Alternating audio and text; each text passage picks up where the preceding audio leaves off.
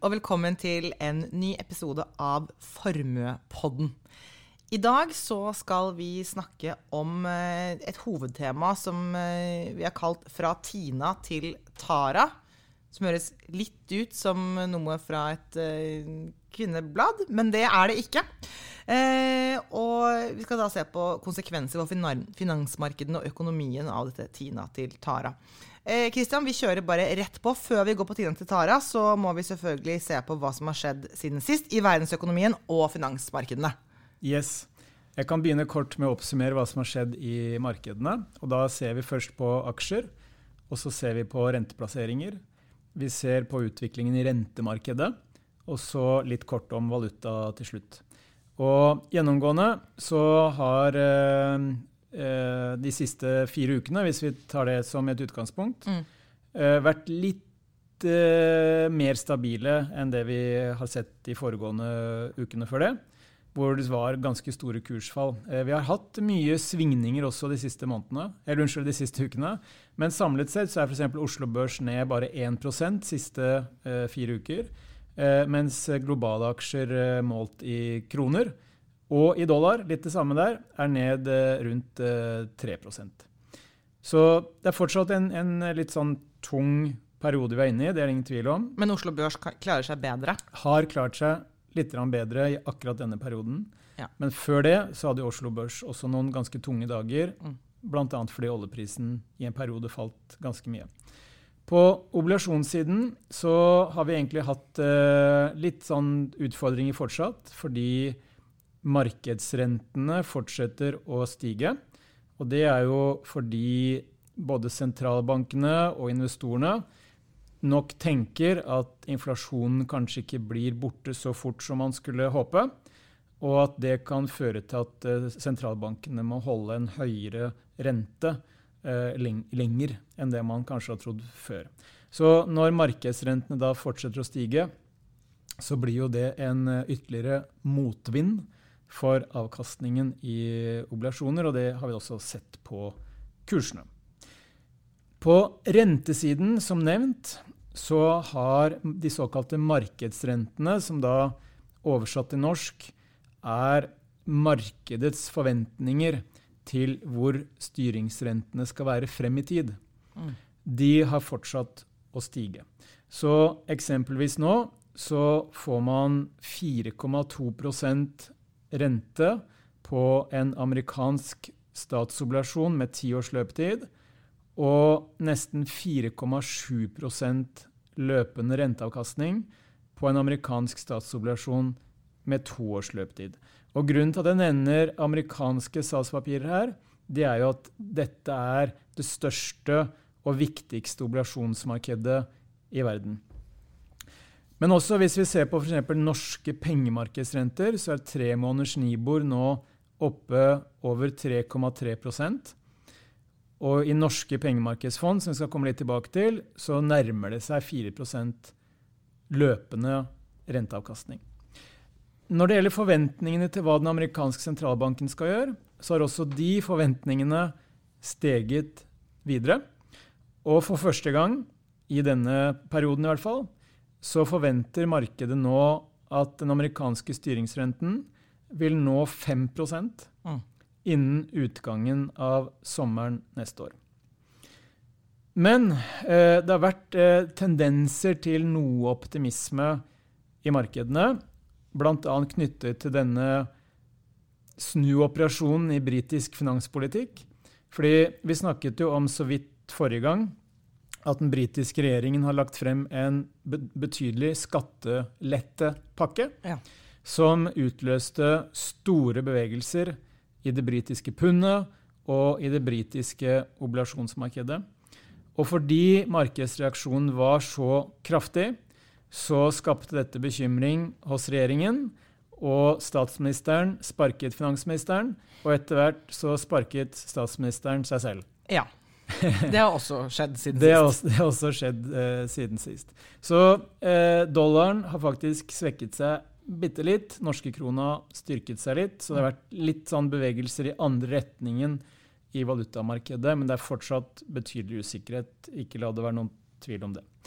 Eh, hvis vi da hopper over litt på dette med eh, denne strukturen som, som, vi jobber med litt nå i, i formue, med tanke på å kategorisere liksom de tingene som skjer i økonomien og i markedene, så vil jeg gjerne begynne med det vi kaller geopolitikk og, og politikk. Og nå ja. har jeg jo nevnt denne snuoperasjonen i Storbritannia. Det har eh, mye, fått mye spalteplass i avisene.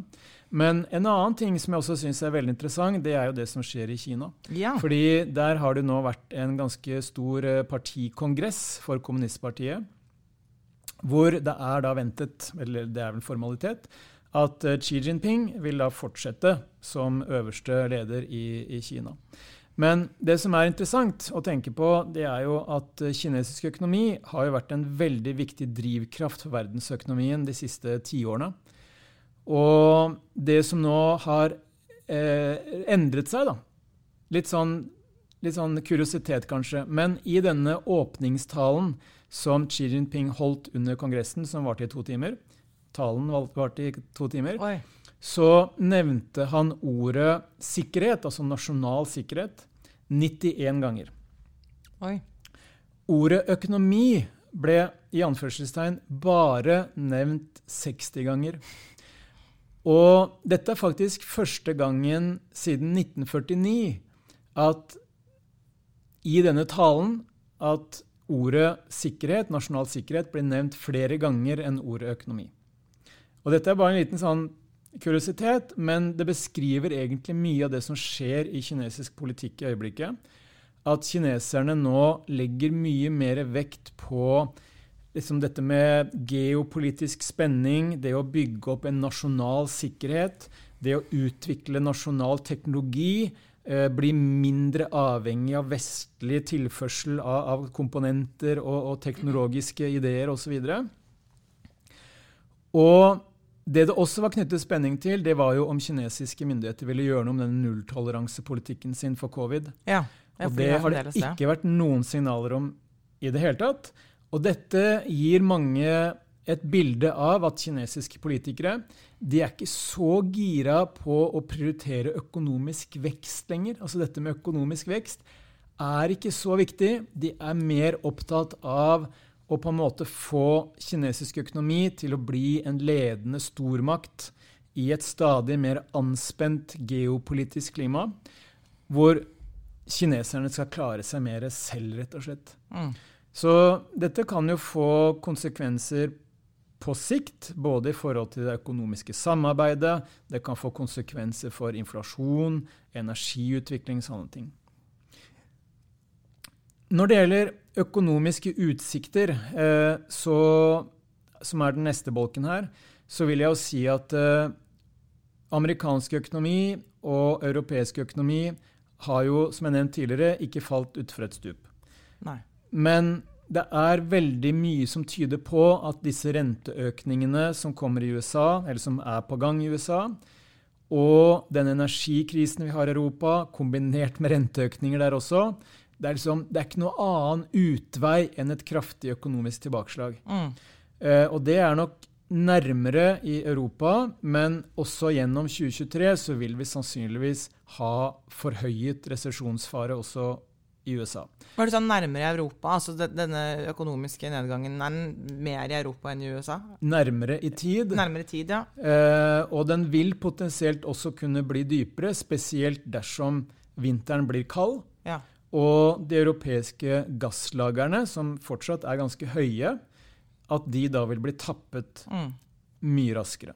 Så på den økonomiske siden så er det nok ingen vei utenom at, eh, som vi har sagt mange ganger, det må bli verre før det skal bli bedre, fordi inflasjonen er fortsatt for høy. Men inflasjon pleier jo historisk å bruke ganske lang tid på å gå ned igjen. Yes, og Det er det vi kommer da inn på på neste bolk, som er inflasjon og markedsrenter. Og De siste inflasjonstallene som vi har fått fra Europa, er fortsatt ikke hyggelige. De går i feil retning. Og også i USA så har vi liksom sett tegn til at det er mye som tyder på at inflasjonstallene skal ned. Men det har ikke skjedd ennå. Så den forrige inflasjonsrapporten fra USA var egentlig på den skuffende siden. Dvs. Si at inflasjonen var høyere enn venta. Og det taler jo da for at uh, styringsrentene de må fortsette å stige frem til sentralbankene føler seg komfortable med at inflasjonen nærmer seg målsetningen på 2% Og som du er inne på, så er det jo mange ulike si, uh, uttalelser og, og skriblerier om hvor lang tid det tar før inflasjonen normaliserer seg. Men Goldman Sachs eksempelvis har sett på inflasjonsperioder over 4% siden 1950. Og det tar da i gjennomsnitt fire år før den såkalte kjerneinflasjonen faller fra over 4% og ned til 2 mm. Så det er 2% vi ønsker? Mm. Er det 2% er liksom det vi ønsker? Det er det sentralbankene sikter seg inn ja. mot. Mm. Uh, og det kan jo være at sentralbankene begynner å snu pengepolitikken og signalene sine lenge før inflasjonen er på 2% Men som de sier, de må føle seg trygge og komfortable med at de 2 er innen rekkevidde, før de eventuelt kan begynne å kutte i rentene. Så eh, pengepolitikk fortsetter å være en utfordring. På inntjeningssiden, altså det som da skjer med selskapene, klarer de å tjene mer penger eller mindre penger, så har vi gjennomgående sett at det er energisektoren som stikker seg ut i ekstremt positiv retning. Mm. Mens eh, mange andre sektorer begynner å se litt sånn avvikende eller avtagende tendenser. Eh, og det er grunn til å tro at hvis vi da nærmer oss etter hvert et enda tøffere økonomisk klima enn det vi har så langt, så vil jo omsetningsveksten komme under press. Og etter hvert som altså lønnsveksten opprettholdes, arbeidsmarkedene er sterke, så vil det også presse på fortjenestemarginene gjennom lønninger og høyere finansieringskostnader også, så lenge rentene stiger. Men du sier at energi, det, der er det jo høy, høy inntjening på, på, energi. Det merker jo Norge. Eh, er, kan det være nok, på en måte, det, det, ekstra Norge tjener nå, til at vi igjen kan måte klare oss, klare oss gjennom en potensiell skikkelig krise? Uh, ja, det, det, er et godt spørsmål. Uh, fordi det er jo litt sånn bemerkelsesverdig da, at uh, når Norge nå har et så ekstremt gunstig bytteforhold mot utlandet, og da tenker jeg på inntektene i statskassa mm. fra olje- og, og gassalg, eksport, så velger jo regjeringen da å Samtidig øke utbytteskatt, øke arbeidsgiveravgift. Eh, de har innført denne grunnrentebeskatningen mm. på lakseselskaper. De tar en del av overskuddet i olje- og gassektoren osv. Og, og det er jo en situasjon hvor også norsk økonomi er litt på hell. Mm. Det er det ingen tvil om. Så det er mange som nå reagerer litt sånn negativt på at uh, disse politiske endringene har kommet i, i finanspolitikken. Men det er ingen tvil om at norsk økonomi, altså norsk, den norske statskassa, eh, er jo ganske velfylt. Mm. Og det er som du er inne på, gi gode forutsetninger for å kunne gi støtte til husholdninger og bedrifter dersom vi eventuelt nærmer oss en resesjon også i norsk økonomi. Men eh, bare for å runde av disse boksene mine med, med, oppsummering, så vil jeg si at det er to ting som også er positive, eh, som har blitt mer positive enn det de har vært før. Og det er prisingen av verdipapirer. Mm. Eh, både aksjer og, og oblasjoner, selskapsoblasjoner, har langt på vei blitt mer realistisk prisa i forhold til det økonomiske klimaet vi er på vei inn i. Og for de som er langsiktige og tålmodige, så betyr det også et høyere avkastningspotensial på sikt. Så det, det er hyggelig. Eh, det betyr ikke at eh, en dyp resesjon eller liksom en, en systemkrise, hvis vi skulle komme dit, er priset inn. Da vil markedene kunne falle mer. Men hvis man har liksom fem-ti års tidshorisont fra i dag, så ville ikke jeg nølt med å investere på dagens nivåer. Ja. Så det, det, er positivt. Det siste positive det er det vi kaller sentiment. Stemningen i markedet er ekstremt pessimistisk. Ja. Uh, en nylig uh, spørreundersøkelse blant globale fondsforvaltere viste liksom ekstremt pessimistiske nivåer på vegne av verdensøkonomien, på vegne av selskapsinntjeningen. Liksom, de har mye høyere kontantandeler i porteføljene sine enn normalt, og mye lavere aksjeandel i port porteføljen enn normalt. Og dette her er jo, som vi har vært litt inne på før, også et såkalt kontrært positivt signal. Fordi et kontrært positivt signal. Ja, og Det betyr altså at når stemningen er skikkelig pessimistisk, råttent pessimistisk, ja så skal det mye mindre positive nyheter til før markedene spretter opp. Ja, ok. Mm. Og derfor så er dårlig stemning gjerne et bedre utgangspunkt for fremtidig avkastning enn om stemningen er rosenrød og sky is the limit og party på gata. Ja. Fordi da er det mye mer optimistiske forventninger som er bakt inn i prisene, og da betaler man mer for ver- verdipapirene. Mens i dag så er sentimentet veldig negativt, og man betaler da mindre for verdipapirene, og det øker det langsiktige avkastningspotensialet. Så det er skikkelig dårlig stemning, men det er egentlig litt grann positivt òg. Ja. Vi kan si det sånn. Ja. Eh, ok, så det var eh, verdensøkonomien og finansmarkedene siden sist. Og da skal vi til dette som ikke er en artikkel i et kvinneblad. Fra Tina til Tara. Du kan jo starte med å si hva mener du egentlig med det? Ja, eh, Dette er jo to såkalte akronymer, Ja. eller forkortelser, som Ja. vi sier på Hamar. ja. Og det som er historien rundt Tina, det er jo at eh, vi kommer jo fra en periode med nullrenteregime. Mm. Vi hadde lav inflasjon, vi hadde pengetrykking, vi hadde rentekutt ad mass, som førte, førte til det vi etter hvert kunne si var det laveste rentenivået på 5000 år. Vi hadde nullrente. Så det var lavest på 5000 år. Ja, noen mente det. Så vi har liksom virkelig vært inni en helt sånn avsindig Aldri vært så bra. Antageligvis, da. Sånn Ja, totalt. Bra for noen og dårlig for andre, da. Ja, Fordi ja. hvis, hvis, du, hvis du har eh, mye penger på banken, så er det ikke så kult å ha null rente på den.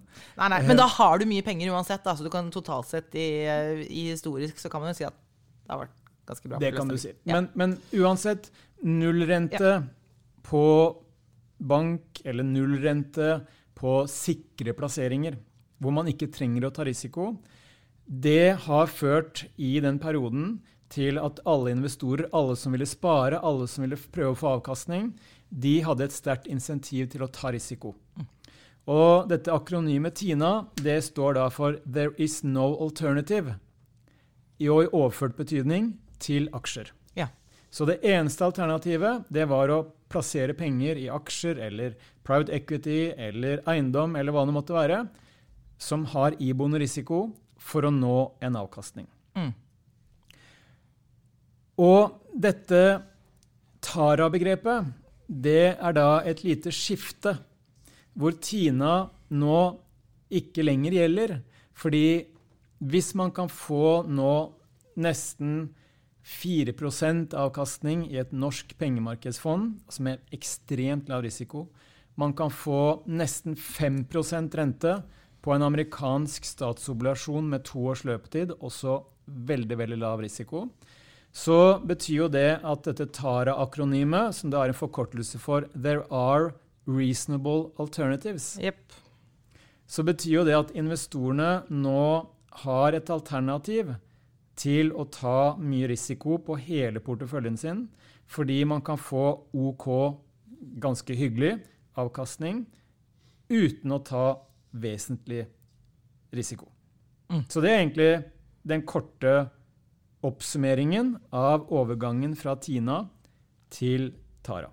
Så fra ingen alternativ til aksjer til nå flere fornuftige alternativer. Ja, og dette har jo det egentlig kommet fordi inflasjonen kom som en bølge gjennom 2021 og inn i 2022.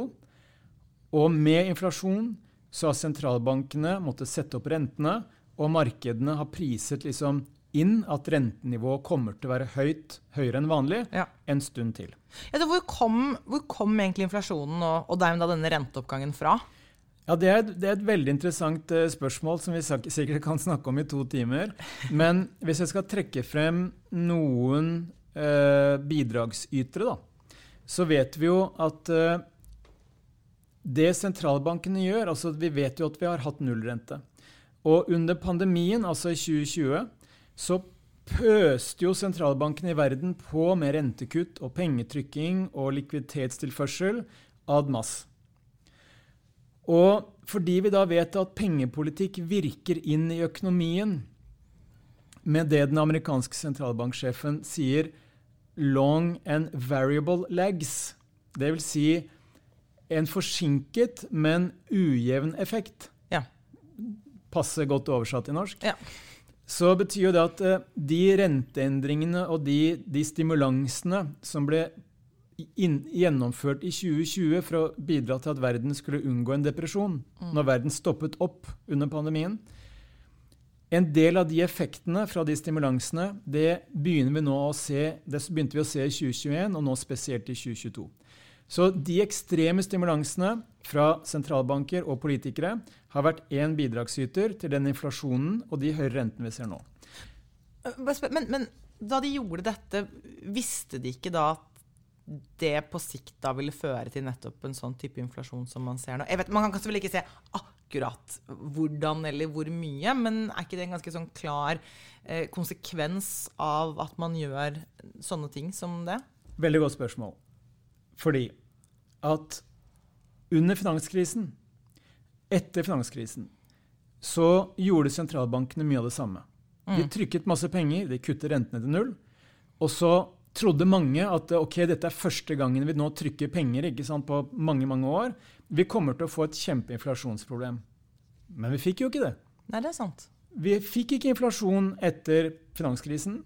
Bl.a. fordi amerikanske politikere valgte å stramme inn i finanspolitikken. Dette bidro til, til å holde veksten og inflasjonen nede. Vi hadde denne amerikanske skiferrevolusjonen, som etter hvert fikk oljeprisene ned.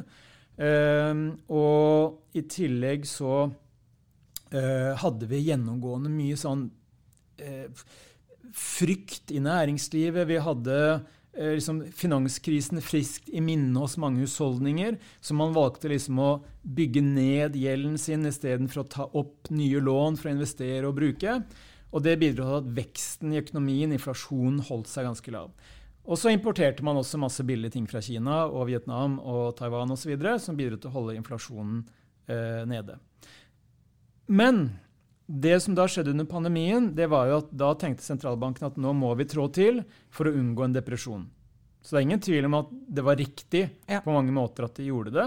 Og så tenkte de kanskje at ok, siden vi gjorde det samme etter finanskrisen og ikke fikk inflasjon, så går det sikkert bra denne gangen også. Men og her kommer jo kombinasjonen av mange ulike drivere inn. Fordi det som skal til for å utløse liksom inflasjon i økonomien, basert på pengetrykking og lave renter og stimulanser, det er jo at disse pengene settes i arbeid. Mm. Og det som da skjedde etter, eller under pandemien og etter pandemien, det var jo først at vi fikk en sånn der gedigen boom i vareetterspørselen i verden fordi vi satt hjemme. Ja. Vi satt foran PC-en. Vi skulle jobbe, men vi satt kanskje på Amazon eller et eller annet annet skal bestille noe kult, fordi det var så kjedelig å sitte hjemme. Ja, Mye var vel også faktisk ekstremt mye utstyr til hjemmekontor eh, yes, også? Yes, ikke minst. Og det skjedde da samtidig med at vi hadde mer penger enn vanlig. Vi, vi måtte spare, vi kunne ikke reise, vi kunne ja. ikke gå på restaurant, så vi hadde mer penger enn vanlig. Og dette skjedde samtidig som industrien i Kina, industrien i, i, verden generelt, forberedte seg på tunge økonomiske tider. Og de kuttet i produksjonskapasitet, de sa opp folk. Og det førte til at vi fikk en kjempeboom i etterspørselen, samtidig som evnen og kapasiteten til å lage disse tingene ble mindre. Mm. Og når man da kombinerte det med denne nulltoleransepolitikken i Kina, så førte det til store flaskehalser mm. i de såkalte forsyningskjedene, som også da var med på å drive opp prisene på spiker, har vi jo snakka om i en ja. tidligere episode. Prisene på stort sett alt begynte ja. å stige. Ja. Og så kom krigen i Ukraina, som førte til et prishopp på energi eh, generelt, og også mat. Matprisene mm. steg. Og når vi da fikk den inflasjonsboomen, så begynte jo mange å tenke at ok, når prisene har steget så mye, så må jeg få høyere lønn. Og når man da kombinerte det med mangel på arbeidskraft ja. Altså det er mangel på arbeidskraft, så ble jo det et arbeidstagers marked, ikke sant? Ja. hvor man kunne presse lønningene sine oppover. Så høyere lønninger og høyere priser på gud vet hva, det har da bidratt til dette inflasjonspresset som vi har nå. Og det har egentlig vært en kombinasjon av mange ting. Og forsterket av disse ekstreme stimulansene og pengetrykkingen og pengeutbetalingene fra politikerne under pandemien. Det er så utrolig interessant. Eh, hvordan liksom alt henger, henger, sammen. Det er nesten, nesten så jeg angrer på at jeg ikke har studert økonomi. Men bare nesten. Jeg er veldig glad for at jeg er fysiker. Eh, men OK. Eh, så eh, kraftig renteoppgang. Eh, hva betyr det for investorer? Det det har betydd så langt, det er jo at kraftig renteoppgang har vært med på å utløse de store kursfallene som vi har hatt så langt i 2022. Ikke bare på aksjesiden, men også i særlig grad på rente-obligasjonssiden.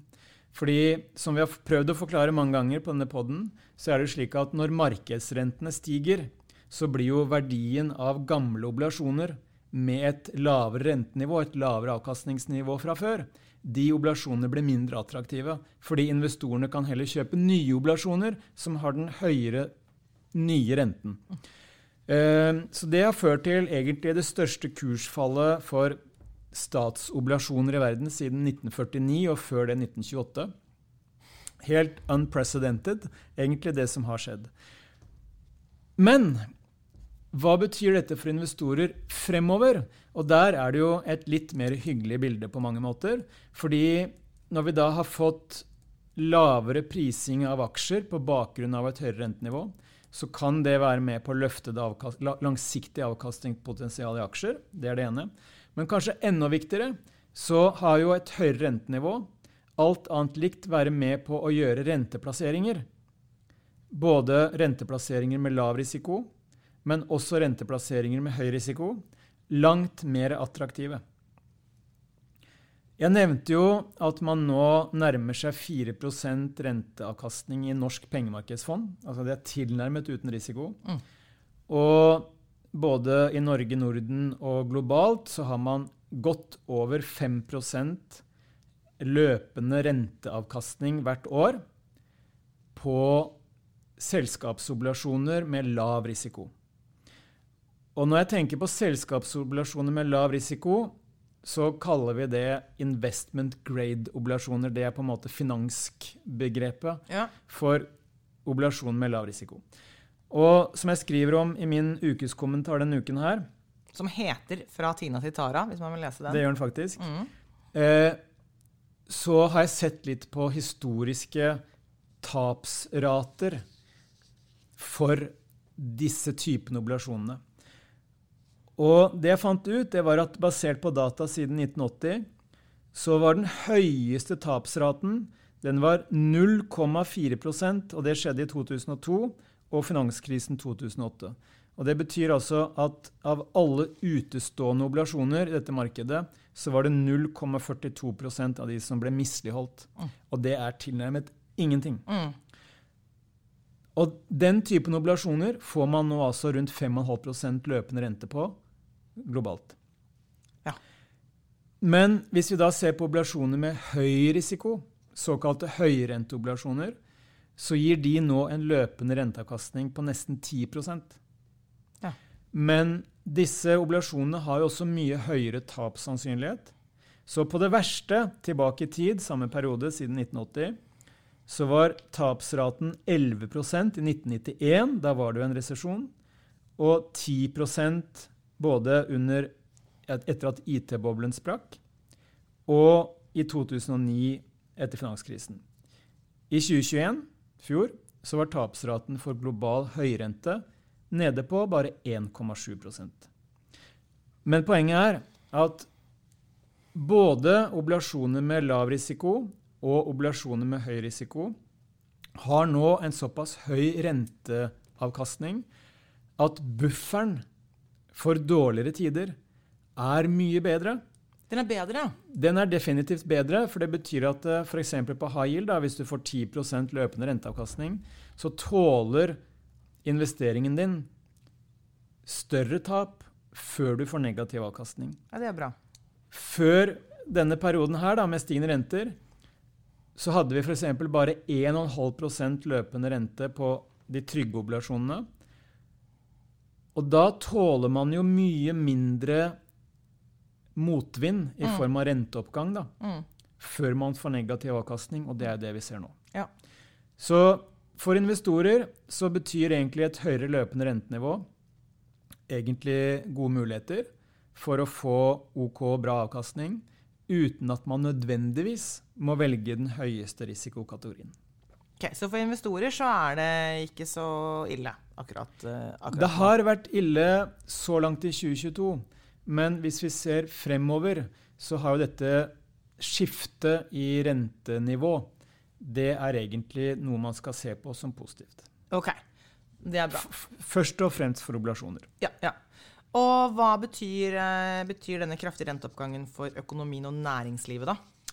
Jo, og det er jo det som da er eh, interessant. Fordi at hvis man som investor får 5,5 rente på trygge oblasjoner, eller 10% på utrygge oblasjoner, så betyr jo det at the flip side of the coin, som vi sier lokalt på Hedmarken, så er det jo noen som må betale den renten. Ja. Og det vil jo da være selskaper. De som utsteder disse oblasjonene og lånene. Det er de som må betale disse høyere finansieringskostnadene. Så høyere renter i økonomien, det bidrar jo, som vi har vært inne på, til at statene, altså myndighetene som har høye offentlige gjeldsbyrder, de må bruke en høyere andel av statsinntekten på å betjene renter og, og avdrag på gjelden. For bedriftene så betyr det at uh, høyere renter generelt, høyere risikopåslag, altså investorene krever bedre betalt for å låne penger til selskapene, og eller lavere aksjekurser, betyr at finansieringskostnadene stiger.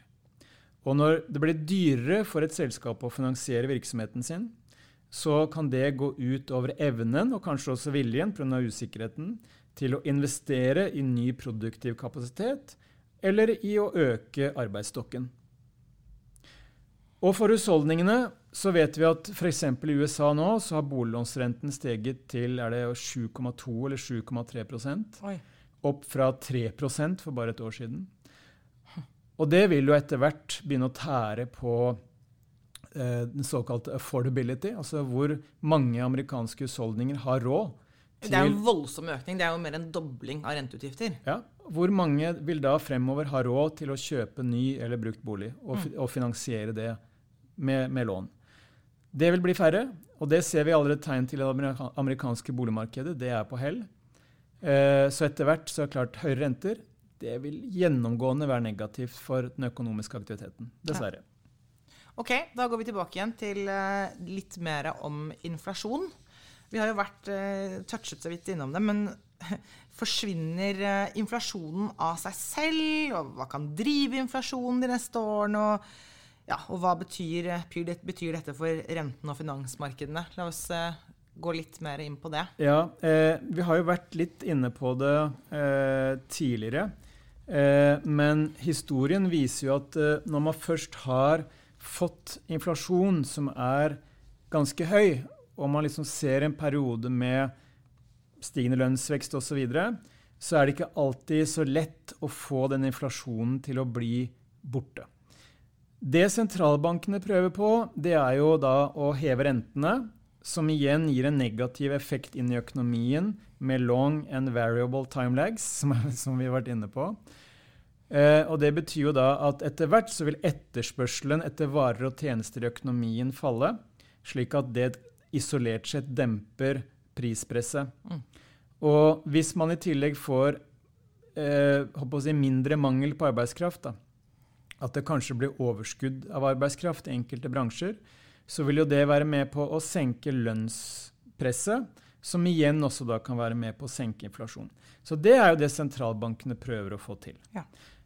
Men som, som, jeg har skrevet om, og som jeg er litt sånn tilhenger av, da, så er det ganske mange argumenter for at inflasjonen ikke kommer til å falle tilbake til 2% og bli liggende der.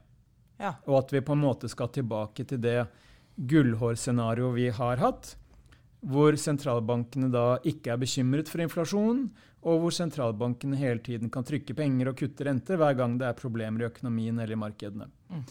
Uh, og I en tidligere kommentar så listet jeg opp uh, åtte ulike drivere som kan være med på å opprettholde et uh, høyere inflasjonsnivå, eller kanskje et mer urolig inflasjonsnivå fremover.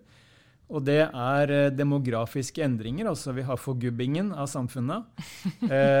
og det betyr at i utgangspunktet blir kanskje mer mangel på arbeidskraft enn det motsatte de kommende årene.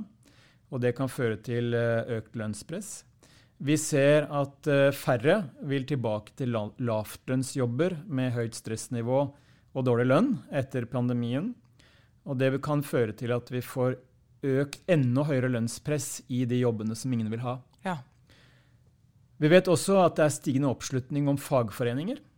Eh, F.eks. i USA så er andelen amerikanere som nå er positive til deltakelse eller medlemskap i fagforeninger, på høyeste nivå siden 1965. Oi. Og vi vet også at det blir stadig mer geopolitisk spenning, eh, antagonisme mellom i USA og Kina, som i større grad gir regionalisering fremfor globalisering. Og det kan også være med på å øke kostnadsnivået innenfor de ulike regionene. Eh, vi vet også at vi er på vei inn i en energiskvis i overgangen til det grønne skiftet.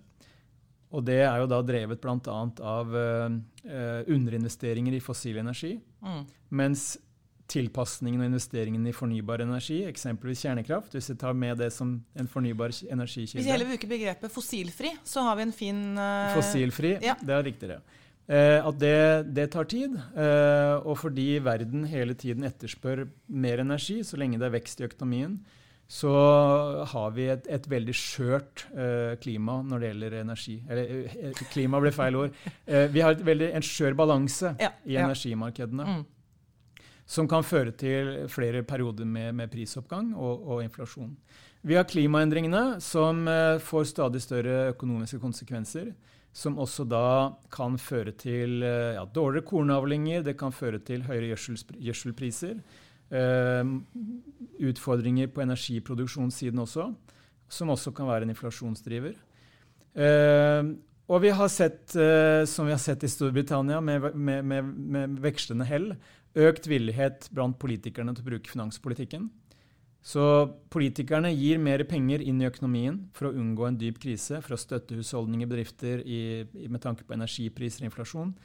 Og det betyr mer penger inn i økonomien. Eh, I en situasjon hvor sentralbankene prøver å få etterspørselen ned, så prøver eh, politikerne å, å få etterspørselen opp. Og dette kan forlenge inflasjonsproblematikken. Så det er jo litt sånn oppsummert eh, kort hva som kan drive inflasjonen de neste årene, og at vi ikke nødvendigvis skal forvente at inflasjonen kommer ned igjen til 2% og blir liggende der. Nei, så det er heller ikke sånn kjempepositivt. Men det er jo de mekanismene Nei, men, som er men det er litt sånn som vi skal inn på på det siste punktet ja. her, at det, dette gir jo egentlig både muligheter, men også en del fallgruver. For det er klart at i en, i en økonomisk periode som vi er inne i, kall det en ny tidsalder, da, hvis vi skal være så bold og, kunne bruke det begrepet, ja. så er det en del strukturelle ting som skjer. Altså Vi har geopolitikk, som vi har vært inne på, endringer i arbeidsmarkedene, vi har klimaendringer. Det er masse ny teknologi, masse ny innovasjon som må på plass for å løse en del av disse utfordringene og tilpasse uh, næringslivet, økonomien, til et litt annet økonomisk klima. For Det er jo spennende som med tanke på teknologi, f.eks. For, eksempel. for det er jo et sånn type press som man er i nå. at det også vil, altså Når alt er bra, så er det jo ikke så mye press for å på en måte gjøre så veldig mye, egentlig. Det er jo litt sånn på den positive siden, da. Ja, helt enig. Og det er jo i, i perioder hvor du har såkalt creative destruction. Ja.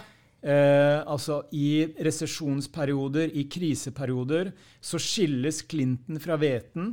Eh, mange gryende ideer om hvordan man kan løse fremtidens problemer, de får plutselig fotfeste. Mm. Eh, fordi man ser behov, økt behov, som du, som du, er inne på. Mm. Og så tilføres de ideene ny kapital, og så vokser ideene, og så blir dette fremtidens vinnerselskaper. Ja. Så litt av det jeg er inne på da, i, i min kommentar avslutningsvis i dag, det er jo at uh, investorene nå har muligheten til å utnytte et høyere rentenivå til sin fordel. Men man kan også se behovet for å posisjonere seg på riktig måte i forhold til de fremtidige megatrendene, de fremtidige vekstområdene som kommer til å oppstå i næringslivet. Mm. For de kommer. Mm. Litt annen litt annen, eh, andre bransjer og andre sektorer kanskje enn det som har vært de siste 10-13 årene. Men de kommer. Mulighetene kommer. Og så vil jeg også eh, trekke frem eh, kanskje behovet for å investere i løsninger, investeringer, som ikke nødvendigvis er avhengig av at markedene bare stiger og stiger og stiger. Ja, det høres fornuftig ut. Og det, det ligger jo litt i, i mitt sånn fremtidsbilde, da. At vi kommer til å få litt mer urolige markeder. Flere eh, drivkrefter som liksom trekker og, og, drar i både økonomien og i markedene og renten og inflasjonen. Og det gjør at eh, det kan være hensiktsmessig å investere i ting som er, kall det litt mer opportunistiske, som kan tjene penger uavhengig av om markedene generelt er veldig positive eller veldig negative. Mm. Og det finner jo man veldig mye innenfor hedgefondverden. Hedgefondverden. Og med det tror jeg at vi eh, må runde av. Har du lyst til å eh, prøve deg på en superrask oppsummering sånn i tre-fire setninger på, som da ikke bare er, er dyster. Jeg syns det har vært mange lyspunkter i dag også. Jeg syns vi har vært relativt flinke til å trekke frem det positive ja. også. Eh, men hvis jeg skal prøve å oppsummere, så er det jo vært store kursfall i markedene i år. Og det er ikke fordi økonomien har vært så innmari dårlig, men det er fordi at investorene tror at den skal bli verre. Og Derfor så er jo mye av det negative som kan skje, det er jo for så vidt tatt høyde for allerede i prisene. Men i en situasjon hvor du har så mange ulike drivkrefter, så er det utrolig lav eh, forutsigbarhet på hvordan denne økonomien og det politiske bildet skal bli fremover. Og Derfor så er det også en sannsynlighet for at ting kan bli verre enn det investorene har priset inn. Og da kan markedene falle mer.